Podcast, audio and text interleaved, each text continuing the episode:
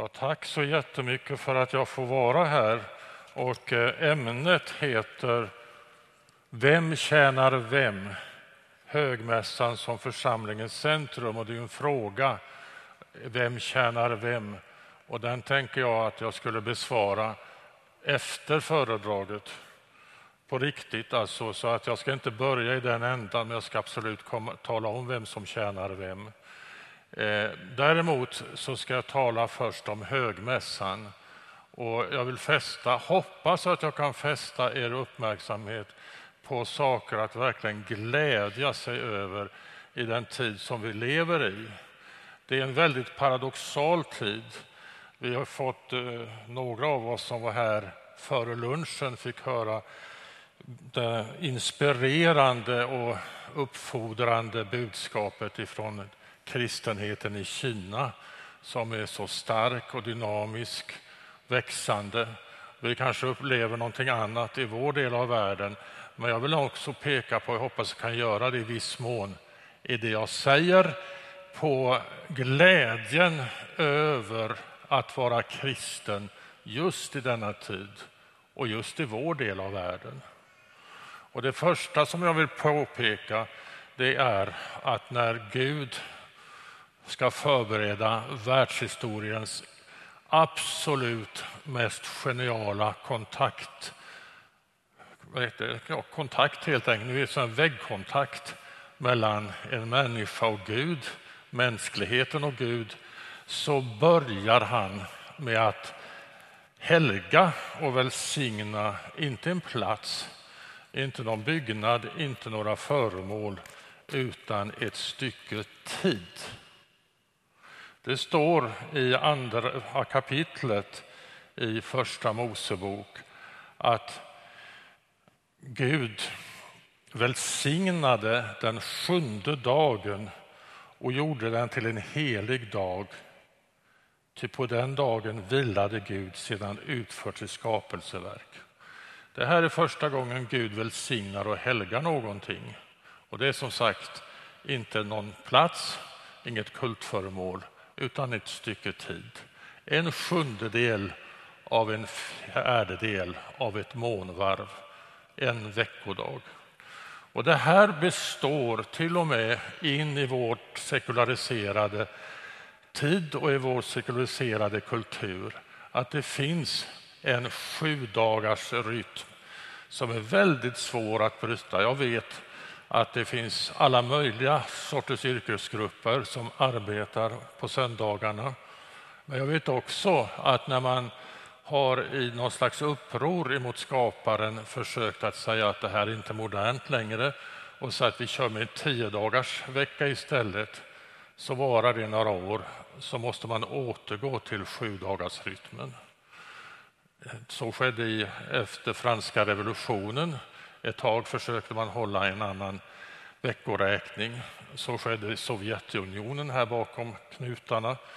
Eh, men man slutade snabbt när andra världskriget närmade sig. Gud har lagt en puls som är i sig en tidsmässig rytm, en gudomlig puls, en påminnelse om en av skaparen given skapelserytm som också faktiskt eh, fortfarande finns i våra nordiska länder. Det kom så småningom att bli så att i den judiska gemenskapen blev sabbaten, lördagen, denna alldeles särskilda dag. Men det är inte så att det är sabbaten nu som måste vara den dagen. När Gud gav sina tio bud så fanns det ett sabbatsbud och sen finns det nio andra kan vi säga. Eh, vi har på de bud som finns på de två stentavlorna och många gånger så frågar kristna att varför ska vi hålla just de buden? Man kan ställa den frågan av många olika skäl. Man kan fråga sig, ska vi inte äta koshermat? Ska vi inte ha korkskruvslockar? Och allt möjligt annat sånt. Den tidiga kristna kyrkan såg att de bud som Jesus har upprepat och fört vidare genom sin person och sitt tal, de buden ska vi hålla. Origenes, en av de tidiga kyrkofäderna, han sa att vi tar emot alla de bud och försöker hålla dem om de läses upp för oss av Jesus i kyrkan. Och om vi läser Nya testamentet så kan vi se, och evangelierna så kan vi se att Jesus aktualiserar och upprepar för, nio av dessa bud. Första, andra, fjärde, femte, sjätte, sjunde, åtta, nionde, tionde. Men tredje gör han faktiskt inte det med. Det är sabbatsbudet. När han kommenterar sabbatsbudet så släpper han det i en mening fri. Och Det betyder inte att det inte gäller. Men om sabbatsbudet så står det, så står det i första, andra Mosebokens 31 kapitel i den trettonde versen, och, ja, trettonde blir det, så säger Gud, mina sabbater måste ni hålla, ty sabbaten är ett tecken som förenar mig och er genom alla släktled för att ni ska veta att det är jag, Herren, som helgar er. Alltså, sabbaten är inte en universell gåva eller kallelse. Sabbaten är ett tecken mellan Gud och förbundets folk. Det är ett tecken på att Guds bud överhuvudtaget, de som är universella, inte heller de blåser bort med ökenvinden. Så att om vi är i Jerusalem en fredagkväll när affärsmännen går ut på gatan och drar ner plåtarna framför sina affärer så det sjunger i asfalten, för nu börjar sabbaten, så behöver vi inte vara bekymrade över att vi borde hålla det, utan vi ska tacka Gud för tecknet som gäller mellan Gud och folket för evig tid. Och det gör det fortfarande. Ni kan kolla det, ni kunde kolla det igår kväll om ni så vill. Eh, det kommer att gälla nästa vecka också. Det gäller alltid, för Guds bud gäller. Och det betyder också att sabbatsbudet det är ett förbundets tecken. Alla Guds bud, de gäller mig. Men det börjar alltså så, och det betyder att när den kristna församlingen växer fram så är det inte så viktigt att det är just sabbaten som man firar högmässan på. Utan det som gjordes konkret i den första kristna kyrkan, den mycket, mycket tidiga kyrkan, då är vi nere på 40-50-talet, alltså decenniet efter Jesu död och uppståndelse. Man firade, som det sa sitt föredrag igår, gudstjänst eh, på tempelplatsen i synagogorna länge. Men när de tre första stjärnorna på lördagskvällen började lysa och så man kunde se dem, då var sabbaten slut. Det var ett sådant tillfälle som Jesus eh, gick på fest. Man firade ofta detta sabbatens slut med att sluta kvällen med en glad fest. Men när vi kommer in i apostlärningarna så kan vi se vad man gör en sådan kväll och det finns faktiskt embryot till den första högmässan och jag kan visa att det verkligen är den första högmässan. Tyvärr är det ett förbisett ställe. Det är Apostlagärningarnas 20 kapitel. Paulus har kommit från Filippi till Troas. Och så står det i sjunde versen att dagen efter sabbaten, och detta betyder inte morgonen efter utan dagen efter, det är kväll, samma kväll, stjärnor har tänts, man börjar räkna klockan sex, så detta är sen på kvällen, eller senare på kvällen, hade vi samlats för att bryta brödet. Det är mässa alltså. Paulus som skulle resa nästa dag talade till bröderna och höll på ända till midnatt. Brödsbrytelse, predikan. Och nu kommer det ultimata beviset på att detta är en högmässa. Det kommer strax. Det fanns många lampor i det rum på översta våningen där vi var samlade. Det där är en otroligt ointressant eh, biblisk vers.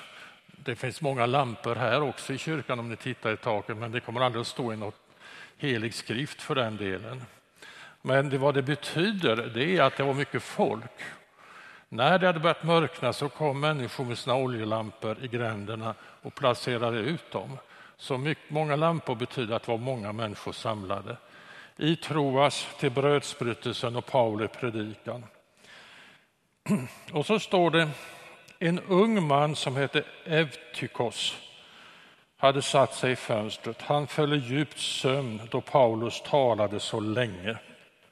Och i sömnen ramlade han ut från tredje våningen. Och när man lyfte upp honom var han död. Han var inte död. Men det här är absolut beviset för att detta är en högmässa.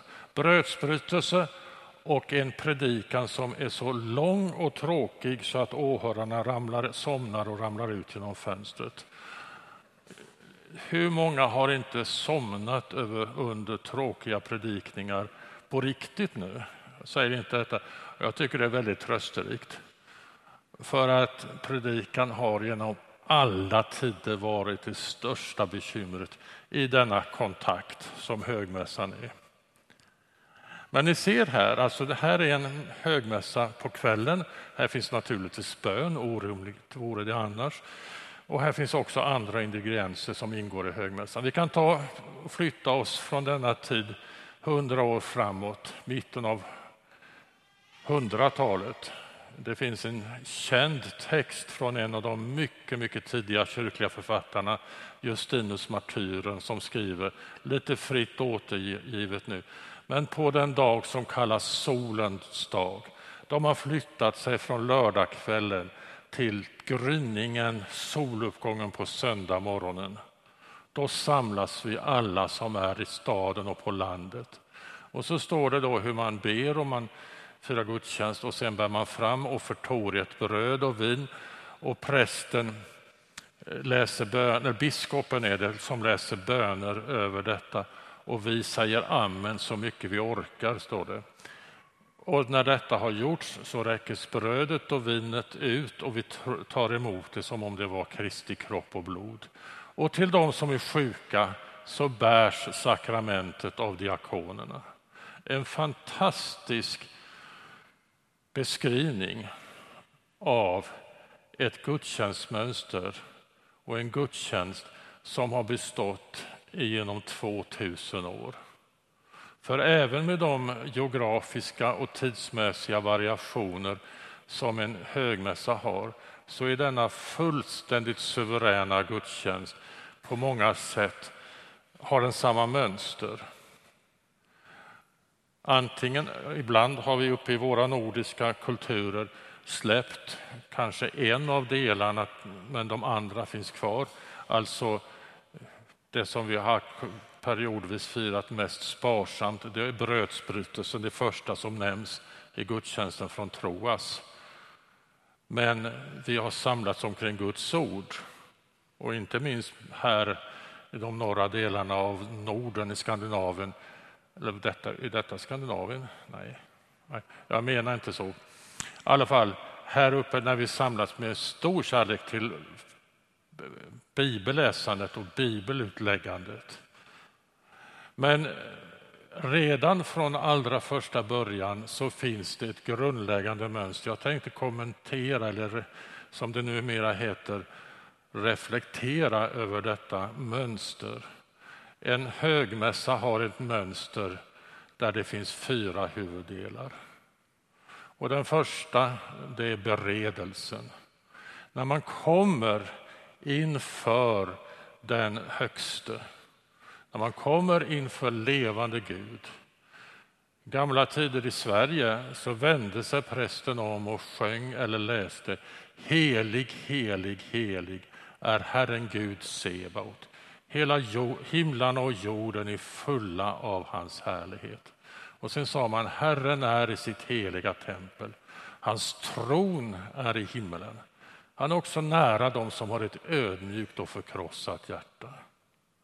Vi kommer inför honom som är hela tillvarons Herre Han som är alltings upphov och skapare, han som håller allt i sina händer. Vårt liv är korta små parenteser i denna väldiga verklighet. Men här möts vi. Jag i min bräcklighet, i min vilsenhet och i min hjälplöshet och han. Och det är så gudomligt skönt att få mötas. Jag skulle säga att detta är den mest evangeliserande punkten i hela tillvaron för att väcka människor att komma inför Gud på nytt i vår del av världen. Det finns en del rädslor, en del hinder. Det första hindret är, det handlar inte alls om att, att jag eh, sådana här saker som att tro på Gud och så, för det är sekundärt. Det första är, får jag lov att komma? Jag minns en sen novemberkväll för två eller tre år sedan. En mycket god vän skulle gå igenom en mycket svår hjärtoperation på Akademiska sjukhuset i Uppsala. Han hade kommit in på den avdelning där man förberedde patienterna och eh, där skulle han ligga och sen skulle han till operation och i händelse det gick bra så kom han ner på andra sidan korridoren för man skickar inte tillbaka patienterna till sängarna för det blir så många luckor om ni förstår. Och då blev de andra patienterna oroliga som stod i kö. Eh, och det här är alltså seriöst, det är vanligt sjukhusarbete. Och det var jag en gammal god prästkollega till mig. Vi kom på ganska gott humör i våra frimärksskjortor. Vår vän förberedde sig genom att, inför operationen för att han skulle eh, opereras då med omständigt duschande. Så vi satt och småpratade. Det var två på rummet. På andra sängen låg en Eh, långtradarchaufför, fick jag veta sen, lite över min egen ålder. Jag har säkert inte tänkt så många kristna tankar. Men nu satt det två präster i ett hörn. Rätt vad det är så säger han rakt upp i luften. Finns det förlåtelse för en sån syndare som jag? Och jag kände att där kom ropet, frågan ur hela mänskligheten, också i mitt eget folk och i våra folk. Vi kunde finnas där då, så vi två präster som fanns där och försäkra honom att det fanns. Men jag tänker att beredelsen är en välsignad sak.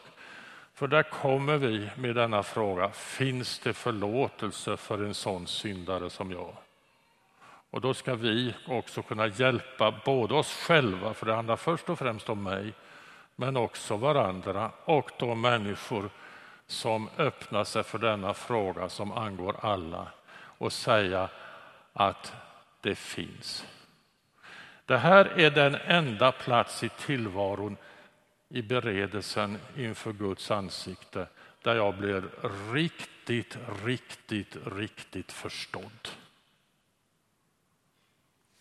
Jag tänker på när Jesus möter kvinnan vid Sykars brunn. Jag tror att ni ungefär kommer ihåg. Det blir en sån glädjemöte för henne så det står efter en stund att hon lät sin kruka stå och så sprang hon in i stan och så säger hon, kommer ni ihåg vad hon säger till dem inne i stan, de gubbarna som sitter ut med torget och hänger med huvudet. Hon säger, där ute sitter en man som har berättat allt om mig. Hade jag suttit där, då hade jag rest mig gått rakt ut åt det hållet i öknen. För det skulle kännas så obehagligt avslöjande om han berättade allt om mig. Om det inte är så, vilket skedde då, att de ser i kvinnans ansikte att hon har mött en som inte bara säger allt om henne utan förstår allt. Fattar precis hur hon är. Fatta nu här, ni, det räcker för då kan rörelsen i Finland börja. Fatta nu att ni är förstådda. Känn att det är ni, var och en till vilken Jesus har sagt allt om dig. Att han har förstått det och att han inneslutit det. I Hebreerbrevet 4.15 så står det vi har inte en överstepräst som är oförmögen att känna med oss i sina svagheter utan en som har varit frestad på alla sätt som vi, men utan synd. Något alldeles oerhört. Han vet precis hur det är. Och jag många gånger tänker jag i mitt enkla barnsliga eget sinne att när jag kommer inför Gud så säger jag, jag har något mycket pinsamt att säga. Och då säger Jesus som sitter på tronen till änglarna på den sidan, ni kan ta kompledigt och de andra, ni kan göra precis vad ni vill, så han ensam. Och så säger jag, jag är ledsen, jag förstår inte att jag kan vara sån här. Jag skulle så gärna vilja komma loss ifrån det och det, det lyckas inte. Och då säger Jesus oss emellan, jag förstår det precis. För jag har själv varit människa. Känn hur förstådd man är. Men i förstå, att förståendet, att den gudomliga förståendet som du möts av, så finns den gudomliga förlåtelsen. Det är genom hela Jesu liv och genom Guds sändning och alltihopa så är förlåtelsen, förlåtelsen, förlåtelsen det viktigaste. Så älskade Gud världen att han sände sin enda son för att var och en som tror på honom skulle få ett jättefint CV, står det inte. Utan skulle var och en som tror på honom skulle ha evigt liv. Inte sände Gud sin son i världen för att döma, utan för att rädda. När Jesus kommer tillbaka efter uppståndelsen till sina lärjungar och talar till dem så skulle man kunna tänka att om jag satt och skulle säga du Jesus, jag har länge undrat hur det känns att dö. Kan du inte berätta det? Eller hur det känns att vara död? Hur det känns att uppstå? Nej, det är inte så viktigt. Men de andra sakerna ska... Men vad är det första Jesus säger? Han räcker förlåtelsen som påskgåva. Om ni förlåter någon deras synder så är de förlåtna. Han visste att det är det viktigaste. Förlåtelsen är det viktigaste. Och den är inbäddad, för att anknyta till det jag sa innan, när vi säger förlåt, vet ni hur vi säger? Okej, okay, säger vi till slut när vi har trilskat lite, jag förlåter dig, men jag fattar inte att du kunde göra så. Det säger aldrig Gud.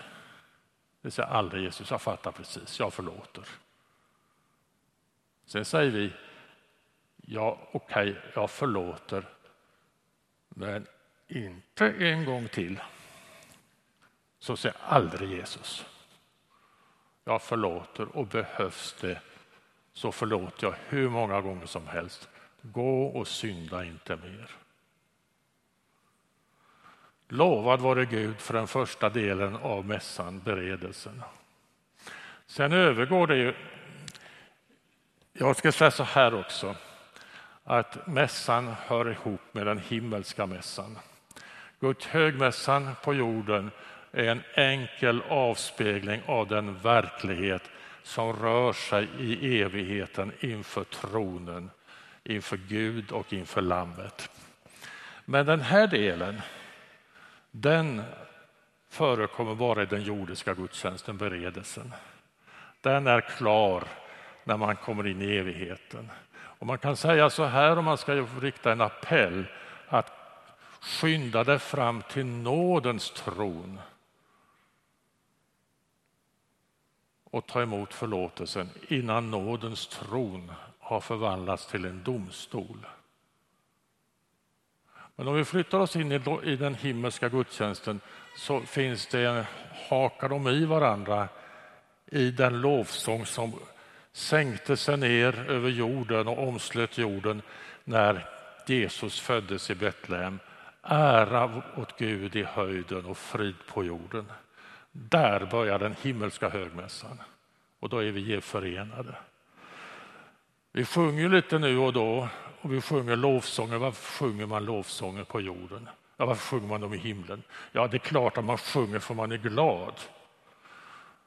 Man sjunger det inte som pausmusik mellan eh, domarnas blåsningar på hockeyarenor då man spelar elektrisk orgel och sen är det lite sång och sånt där. Och det är inte för att piska upp stämningen heller. När man sjunger lovsång så bygger man tronen. För den tron som den gudomlige sitter på, som man tronar på, den är inte byggd av trä, inte av sten och inte i diamanter, den är byggd av lovsång. Lovsång är materialet i tronen. Saltaren 22.4. Dock är du den helige, den som tronar på Israels lovsånger. I lovsång så går vi in i läsandet av Guds ord. Tre texter, gammaltestamentlig ur de heliga skrifterna, ur de apostoliska undervisningarna i pisten och så det stora. Och jag tror i vår tid, jag skulle gärna prata länge om det, jag ska ta bara en sak, evangelierna. De fyra evangelierna om Jesus. Och jag tänker just nu på dem på det sättet i vår tid. Det var någon som nämnde igår, jag tror det var Håkan, att de evangelierna är viktiga, jag skulle säga just i vår situation, viktigare än någonsin. Läs dem. Tala om Jesus i dem. Lyft upp dem. I Uppenbarelseboken så skildras hur, hur Gud sitter på tronen och där sitter någon som eh, nästan är omöjlig att se. Det är Gud och Lammet, skulle jag säga. Det är också Jesus. Bilderna går ihop. Det är Gud, men det är så, både Fader och Son. Och så står det att runt tronen så står fyra varelser, väktare omkring tronen. Den ena ser ut som en människa, den andra ser ut som en lejon, den tredje som en oxe och den fjärde som en örn. Vi har gjort det till symboler för evangelisterna. För den som läser mycket teologi vet att det finns andra sätt att uttyda dessa representanter för skapelsen och allt möjligt. Men just nu låter jag vara de fyra evangelisterna. Idag tror jag Matteus, Markus, Lukas och Johannes står med sina evangelier för oss runt tronen som en väktare omkring lammet, omkring Jesus, förkunnelsen för honom. Förstår ni? Evangelierna i vår tid, där allting faller, så oerhört viktiga. För en tid sedan så satt jag i min aftonslampas sken och så ska jag skriva vad kan vi egentligen veta om Jesus. Jag tänkte jag börjar i det, vad ska jag säga, vår tid och då tänkte jag på såna satellitkanaler och på History Channel och sånt och så kommer det emellanåt upp något program som ska ge någon jätteny och spännande bild av Jesus och så visar man någon halvsandig gammalt kloster och sen så kommer det, flashar det fram någon eh, professor från Oxford, Oxford som säger absolutely new and sensational uh, matters about Jesus Christ. Bla bla och det skruvar på det. Det leder ju aldrig ut till någonting nytt, men det kittlar lite sådär. Och sen kollar människor lite grann på, ja, finns det inte lite alternativa böcker? Jag minns när man för andra gången, minst på senare år, decennier i Sverige, hade översatt Thomas evangeliet. Ett alternativ kommit från första, alltså från hundratalet, väl känt inom tiderna, men lagt åt sidan av kyrkan enkelt sagt. Så tyckte man det var jättespännande med Thomas evangeliet. Vad kul att få veta någonting verkligt om Jesus. Men det är mycket få som orkat läsa det där till slutet fast det är inte större än Hänt i veckan.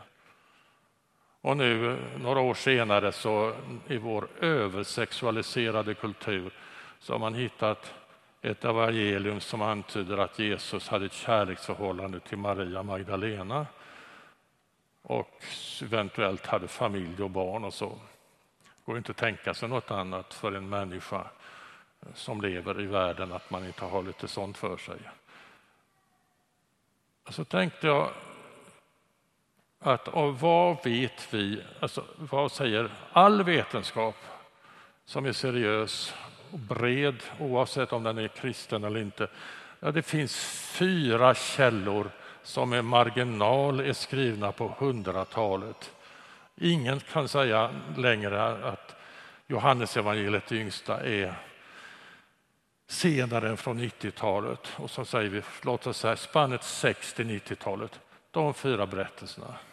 Och precis när jag skrivit det så skrev jag när ett stycke ur dessa texter läses, eller när helst ett stycke av dessa texter, då reser sig mänskligheten och lyssna stående.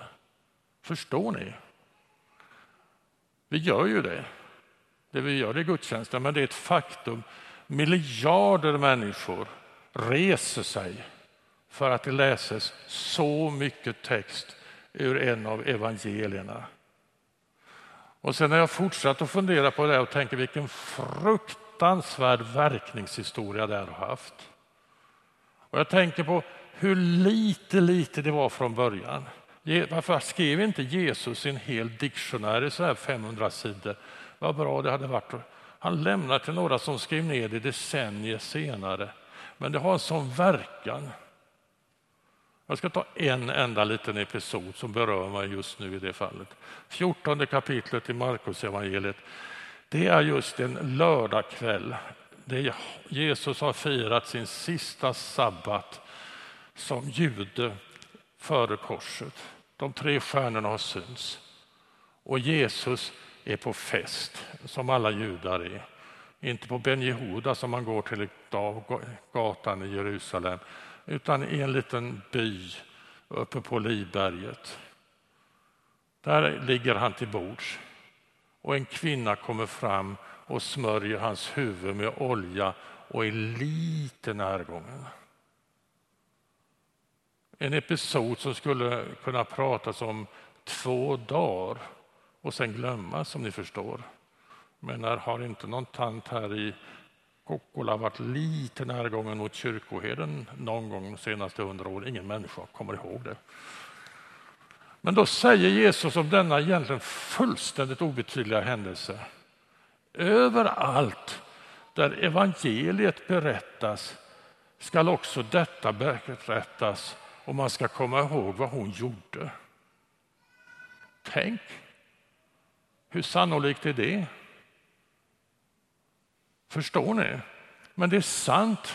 2000 år senare läses det om denna berättelse, denna episod över hela jorden och människor står upp och lyssnar. Lovad vare Gud för ordets del av gudstjänsten. Vi har fått fira i högmässan beredelsen, lägga ner allt som misslyckats. Vi har fått lovsjunga, vi får lyssna till Guds ord, det som alltid består, hur än världen vänder och vrider sig. Och så får vi samla allt i en bön, det är den tredje delen då vi lyfter hela mänskligheten men också det mycket, mycket privata, det ömtåliga och personliga. Och det stiger i den bön som ständigt stiger från jorden mot honom som sitter på tronen. Vi får be i Jesu namn. Det ger en oerhörd kraft åt bönen. Det är alltså som Jesus själv bad. Vi kan säga också innesluten i din, din egen bön, för vi vet att Jesus ber för oss. Men vi ber i den heliga Ande, genom Jesus. Ibland säger vi det i gudstjänsterna, och det är inte en formel utan det är en kraftbeskrivning. I den heliga Ande, min egen bön är svag den är till och med så som Paulus säger i Romarbrevets åttonde kapitel att vad vi egentligen ska be om det vet vi inte. Men anden manar i oss utan ord. Det är den heliga ande, i honom ber vi, det ger bönen en väldig kraft. Vi ber genom Jesus och när den når Gud Fader så är det som den kom med andens kraft från Jesus själv. Det är så vi får lyfta världens nöd och min egen nöd inför honom som kan ta allt i sina händer och svara på allt. Det är ett sånt förtroende, men det är också en sån uppgift för mänsklig, inför mänskligheten. När man står i gudstjänsten, och det gäller nu både den som firar gudstjänst och den som leder gudstjänsten, så står vi inför Guds ansikte. Men vi står också inför mänskligheten. Och det är därför som eh, vi i Nya testamentet kallas för ett släkte av präster. Eh, det allmänna prästadömet talar vi om. När det talas om detta allmänna prästadöme i Nya testamentet så använder grekiskan ordet hieros. Det är det som används som gammaltestamentliga prästerna. När man talar om funktionerna i kyrkan så är det episkopos, biskop, presbyteros, präst, diakonos, diakon. Men det allmänna, det är hieros. Och vad betyder det? Jo, det finns i varje kristens liv en kallelse att å hela mänsklighetens vägnar bära allt till Gud. Men också vända sig om och å Guds vägnar bära Guds välsignelse till mänskligheten. Sen så kommer den stora höjdpunkten i en kristen högmässa och det är när man börjar förbereda sig att fira nattvarden. Efter beredelsen, efter ordets gudstjänst, efter bönen så kommer brödet, brödsbrytelsen. Det som fanns med i Troas gudstjänsten i Apostlagärningarnas 20 kapitel. Det börjar med att prästen sjunger en inledande bön som påminner oss om vår plats inför tronen. De underbara orden Därför vill vi med dina trogna i alla tider och med hela den himmelska härskaran prisa ditt namn och tillbedande sjunga. Nu står vi inför tronen i lovsången. Vi står med dem som har gått före oss och som har vandrat som inte längre finns i den lidande, den kämpande kyrkan utan i den segrande, den triumferande. Det finns näst, just nu nästan ingen hinna mellan dessa två. Vi står tillsammans. Vi sjunger sämre än änglarna och helgonen. Hur bra vi än sjunger på jorden. Men vi lovsjunger tillsammans. Vi kanske är fyra stycken. Eller som eh, de var den natten i 16 kapitlet i Apostlagärningarna i fängelsehålan i, i Filippi 2. Men tillsammans så är det en väldig skara. Och vi sjunger en sång som ingen människa på jorden kan få. I Sverige heter det stimpengar. Jag vet inte vad det heter här, men alltså pengar för att det utförs offentligt. Det finns ingen som har copyright på sången, för den hörde en gång profeten Jesaja när han såg dörrposterna skaka i Jerusalems tempel och såg Herren sitta på en hög och upphöjd tron. Och han hörde det vi fortfarande sjunger. Helig, helig, helig är Herren Gud Sebaot. Hela jorden är full av hans härlighet. Hosianna i höjden. Och så sjungs den sång som hör hemma i den lovsång som Jesus sjöng och avslutade nattvardens instiftelse med Psaltarens 118 psalm. Välsignad är han som kommer i Herrens namn. Det som sjöngs när han red in i Jerusalem på åsnan. Välsignad är han som kommer i Herrens namn. Nu kommer han till oss. Vi hälsar honom på samma sätt. Välsignad är han som kommer i Herrens namn. Och så kommer han. Prästen ber möjligen Sänd din ande över dessa gåvor av bröd och vin så att de för oss blir Kristi kropp och blod. Och framför allt så upprepar prästen Jesu instiftelseord. Tag och ät, detta är min kropp. Tag och ät, detta är mitt blod. Martin Luther säger i det avseendet att vi kan inte skapa med våra ord. Om jag, Martin Luther, sade varde sol och måne så blir det ingen sol och måne.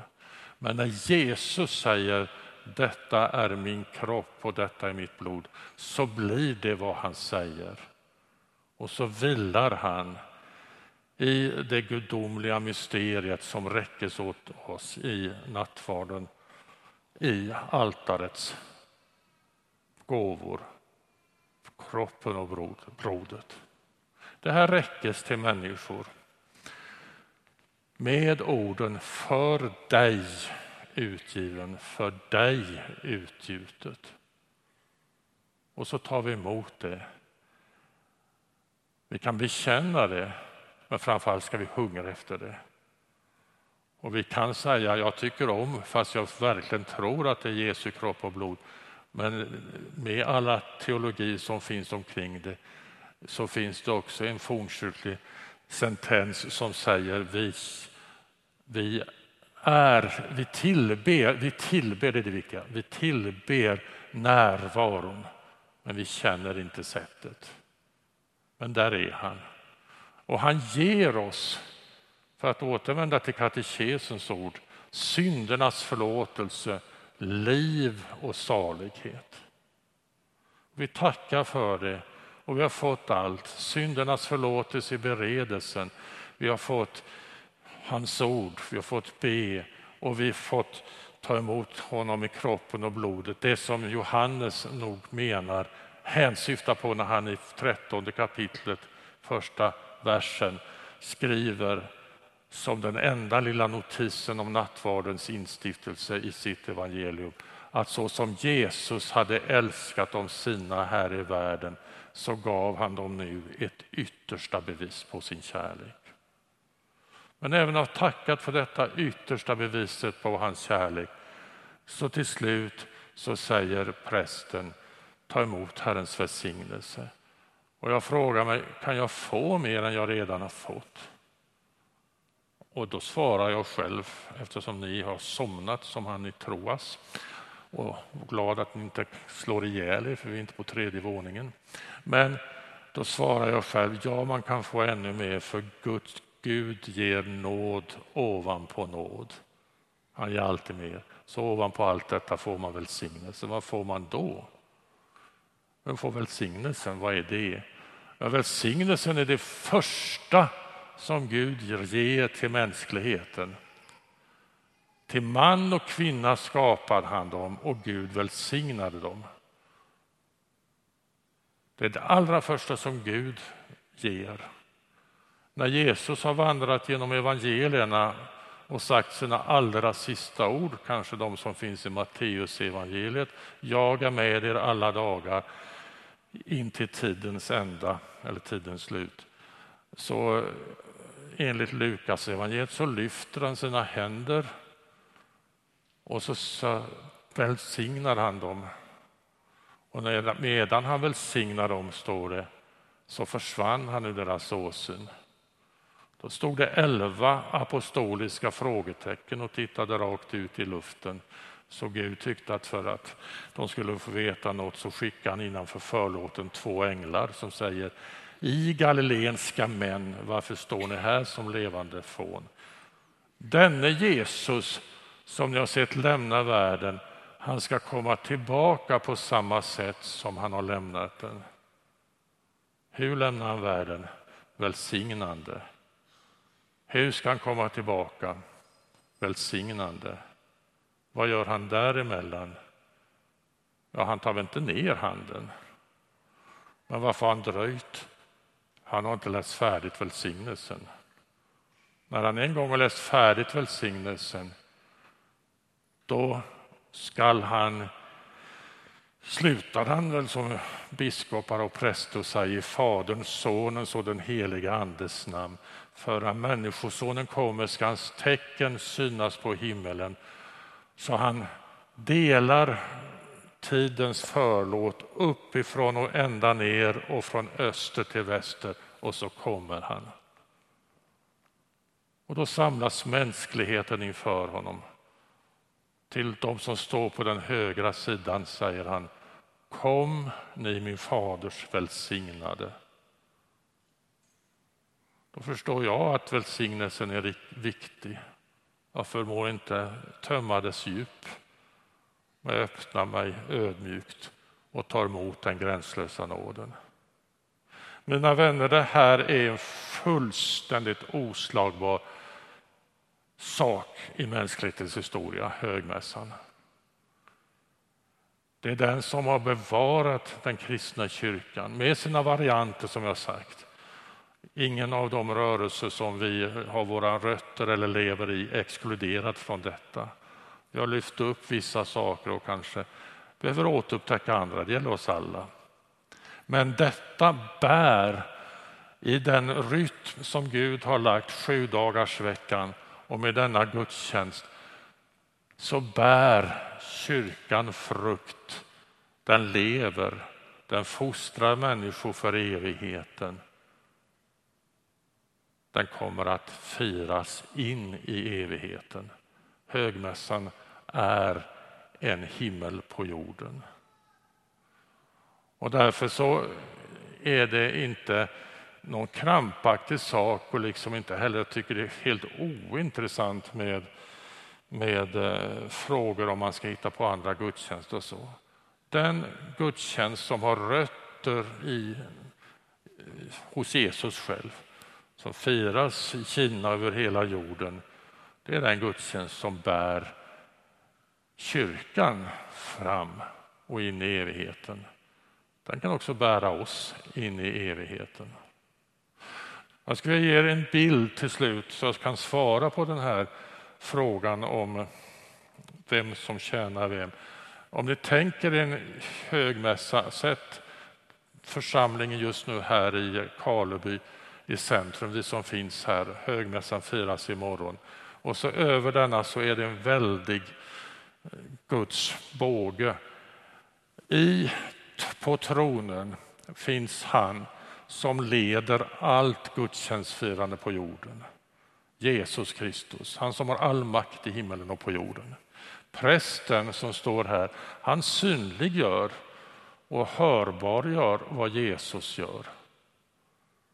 Det ska vara en obruten kontinuitet mellan det.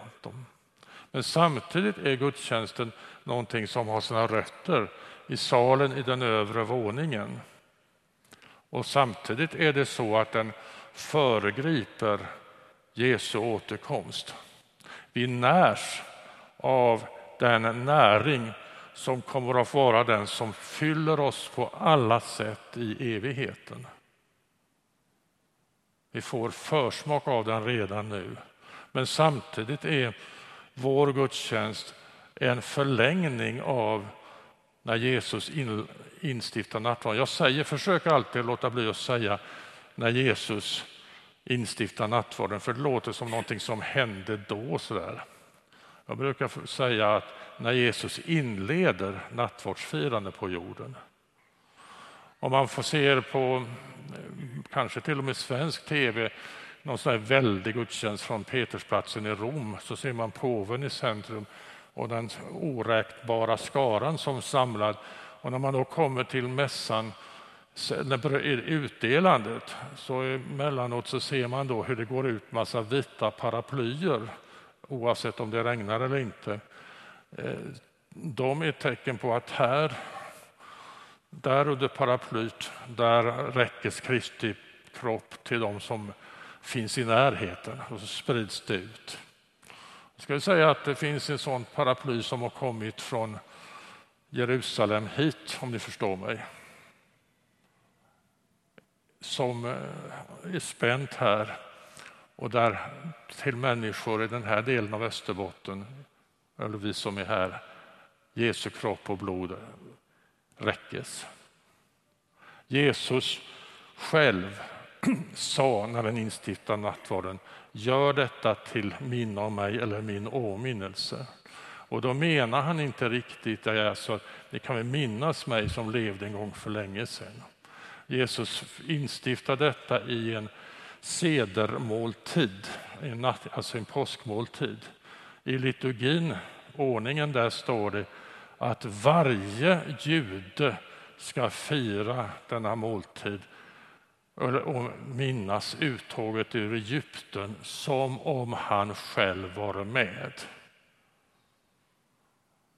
Det är så som Jesus menar med nattvarden. Vi ska fira det som om vi själva är med i nattvardssalen. När Jesus hade då inlett allt mässfirande på jorden och de tolv första hade fått ta emot hans kropp och hans blod. Vet ni vad som hände? Det borde ju, om det var, inte var mänskligt skrivet, eller låt oss säga om det var mänskligt skrivet så skulle det stå att då föll de i kontemplation och sannerligen, jag såg Petrus, han svävade som i luften i salighet så här 40 centimeter över golvet. Och allas hjärtan brann i djup tillbedjan. Inte alls. Det står Lukas evangeliet precis efter kroppen och blodet har hamnat i lärjungarnas kroppar. En strid utbröt bland dem om vem som var störst. Ja, men kära någon, det är ju något av det mest pinsamma. Det värsta är att det har ju upprepats i alla tider, men, men vad då? Så lågt. Och det är inte ens det mest förvånande inte att de gör det här. Det mest förvånande är att Jesus inte säger jag tror jag lägger av. Nu har jag gett till nattvarden, allt är uppdukat, imorgon så ska jag bära mitt kors och mänskligheten ska minnas det. Men nej, jag återvänder till Fadern, jag ställer in långfredagsprogram. Jesus är fullständigt lugn. Och sen säger han att kungarna uppträder som herrar och lite sånt där. Men med, er är det annorlunda. Störst är den som tjänar. Jag är mitt ibland er som en tjänare. Vem tjänar vem? Jesus betjänar dig. Han är mitt ibland oss i gudstjänsten som en tjänare. Och jag skulle gärna vilja säga lite som Petrus, ja, men du ska inte tjäna mig, jag ska tjäna dig. Nej, säger Jesus. Du behöver att jag tjänar dig. Men du kan lära dig att tjäna dina medmänniskor. Och definitivt ska det vara så att prästen, biskopen och den som har alla mössor och kläder och alltihop skall vara en tjänare som betjänar. En som ligger väldigt nära detta tjänandet i kyrkan och som jag själv väldigt mycket tänker på, ska sluta med detta, det är jag vill gärna vara en tjänare när jag är präst. Jag vågar säga att väldigt många av oss präster vill vara det.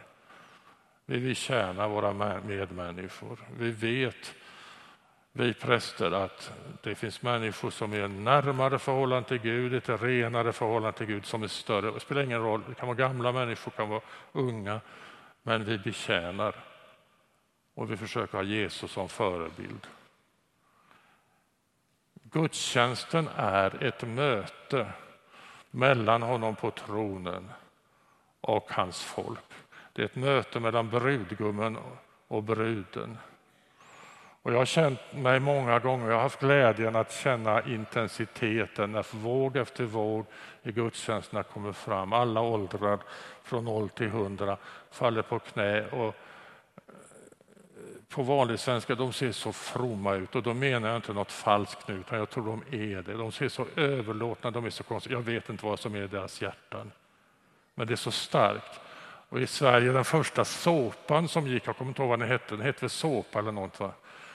Jag vet inte om ni slapp den här i Finland. Den heter Lödder tror jag, på svenska.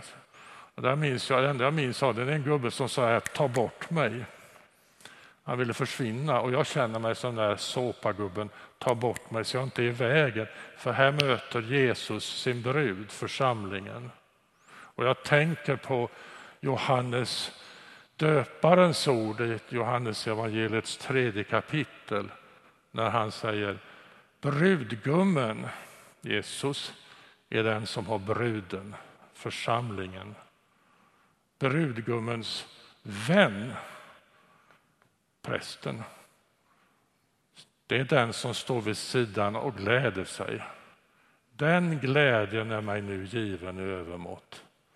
Det kan jag säga för min del av mina 40 år som präst, att jag har fått mycket av den glädjen att stå bredvid som brudgummens vän och se detta möte med person efter person, med församling, men också det mycket personliga, där brudgummen möter sin brud.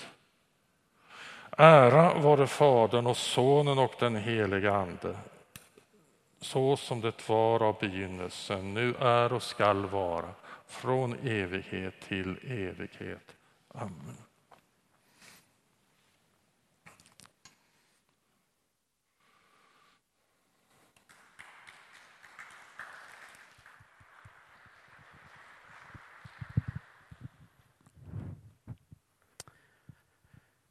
Tack för det Bo.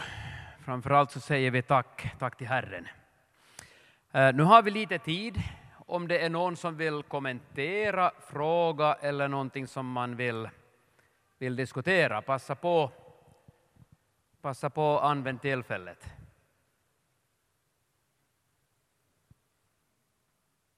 Jag ska komma med mikrofonen dit så får vi ta.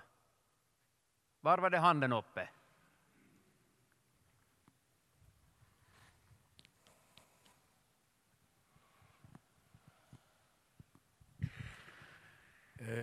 Hur länge fortsätter sakramenterna att vara sakrament i en icke-apostolisk kyrka? En kyrka som inte står i trosgemenskap med apostlarna. Utanför kyrkan ingen frälsning. Är gränsen snart nådd för sakramenternas giltighet? I Svenska kyrkan, i Finska kyrkan? Ja, jag kan säga så här att jag kan inte svara dig på det sättet att jag kan inte döma och jag kan inte säga var gränserna går. Eh, jag försökte förklara detta när jag var i Lund därför att där fanns det en sån här konkurrent till dig och din verksamhet, en sån här korvmoj, nej vad heter det, hamburger. Han är sån här växande entreprenör i hamburgerbranschen. Nej, men alltså vad jag säger, det låg en sån här, eh, vad heter det, alltså McDonalds säger vi, det var, heter inte så, men den låg nära kyrkan. Och så låg kyrkan där och så frågade människor likartat med all respekt för den verkligt viktiga frågan. Och då sa jag så här att om vi firar nattvard så gott vi kan i enlighet med Jesu instiftelse, lydnad av vad han har sagt så mycket vi någonsin förstår och försöker göra det lyhört för kyrkan, så vågar jag stå och säga att detta är Kristi kropp och blod. Går vi och tar en eh, hamburgare och Coca-Cola så vet alla att det inte är nattvarden. Någonstans där går gränsen. Det är mitt svar. Jag vet inte var, men jag vill vara så nära Jesu ord, Guds ord och Guds instiftelser. Det är så jag tror. Alltså, och jag kan alltså, det finns alltså en väldigt stor allvar i det du säger.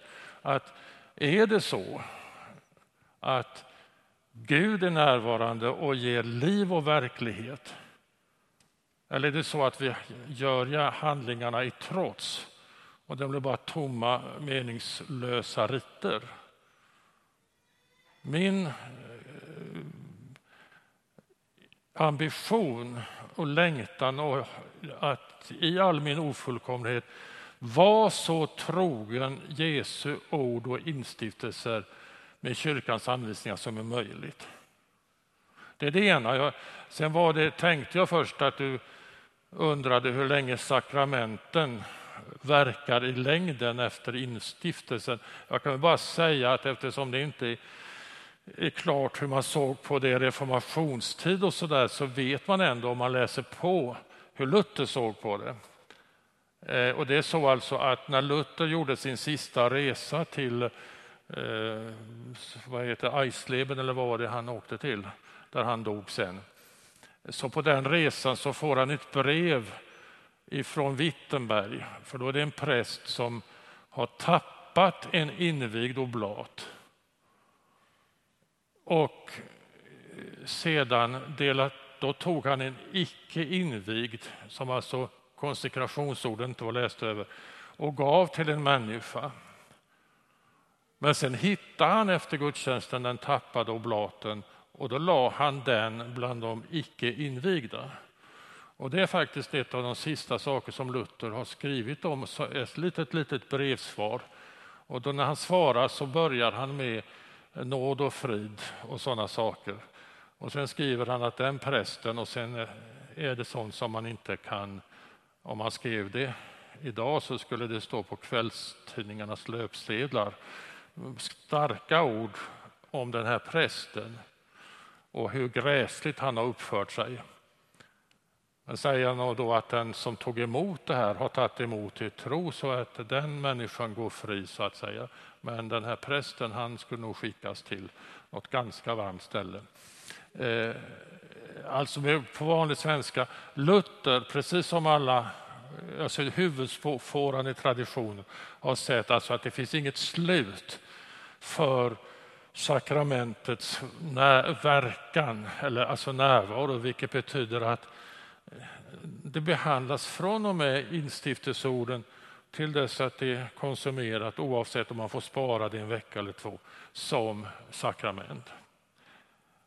Jag tror att det var den första delen som du frågade om. Är det så att vi har, tar emot Kristi kropp och blod? Det är jätteviktigt att i ödmjukhet bara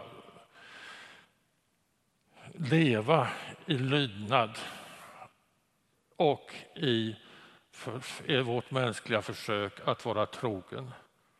Det gäller för alltså, om vi ska våga tro att Gud är närvarande så måste vi vara det. Jag kan också säga då att alltså, lydnaden kan Gud välsigna, det gör han. Eh, bristfullheten, att vi har fattat dåligt eller något sånt där, det kan Gud också välsigna. Jag kan ge exempel från Bibeln på det. Trotset kan han inte välsigna. Där är han inte närvarande. Fler frågor?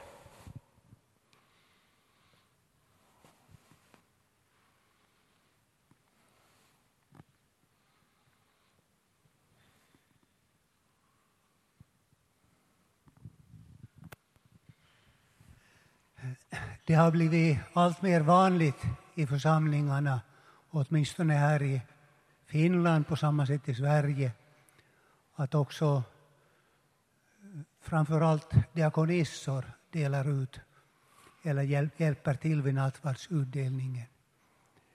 Jag tänker det skulle vara roligt att bara höra vad du, hur du ser på den där saken.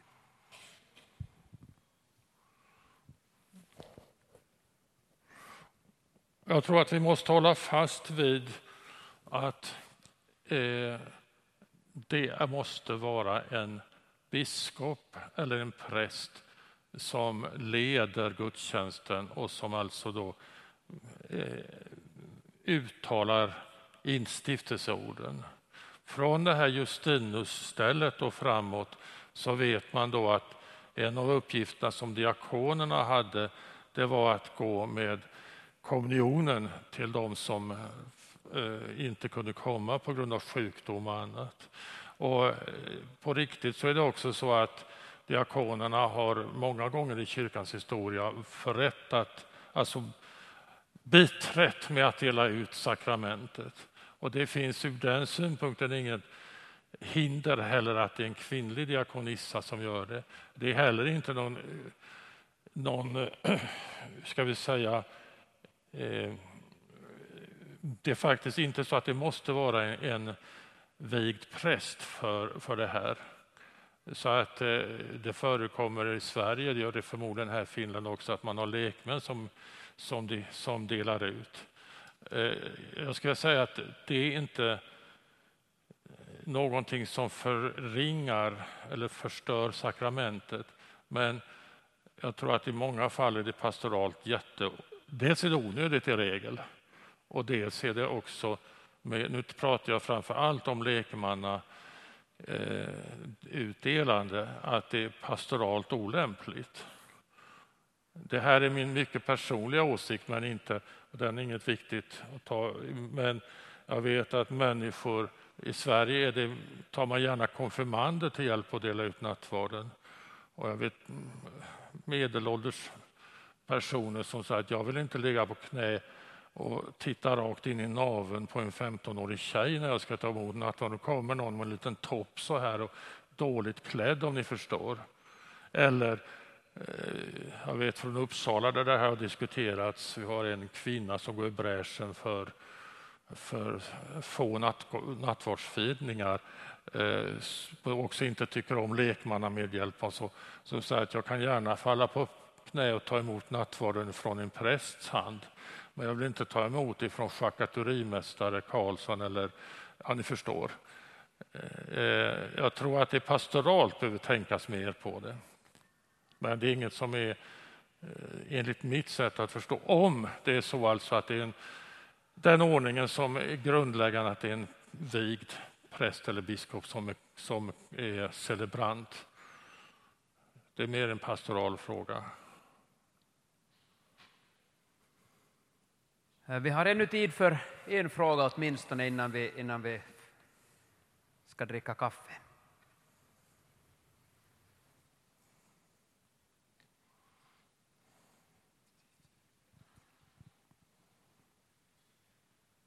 Tack. Genom min skolning och min övertygelse så har jag svårt att ta emot, gå, gå, ta emot nattvarden när den är invigd av en kvinna.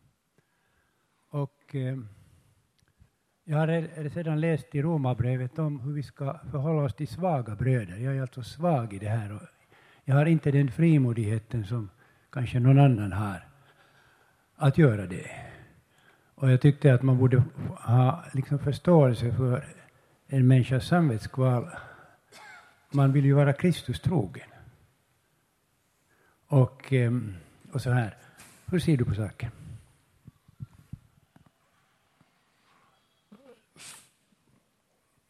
Förlåt, jag hörde inte riktigt vad...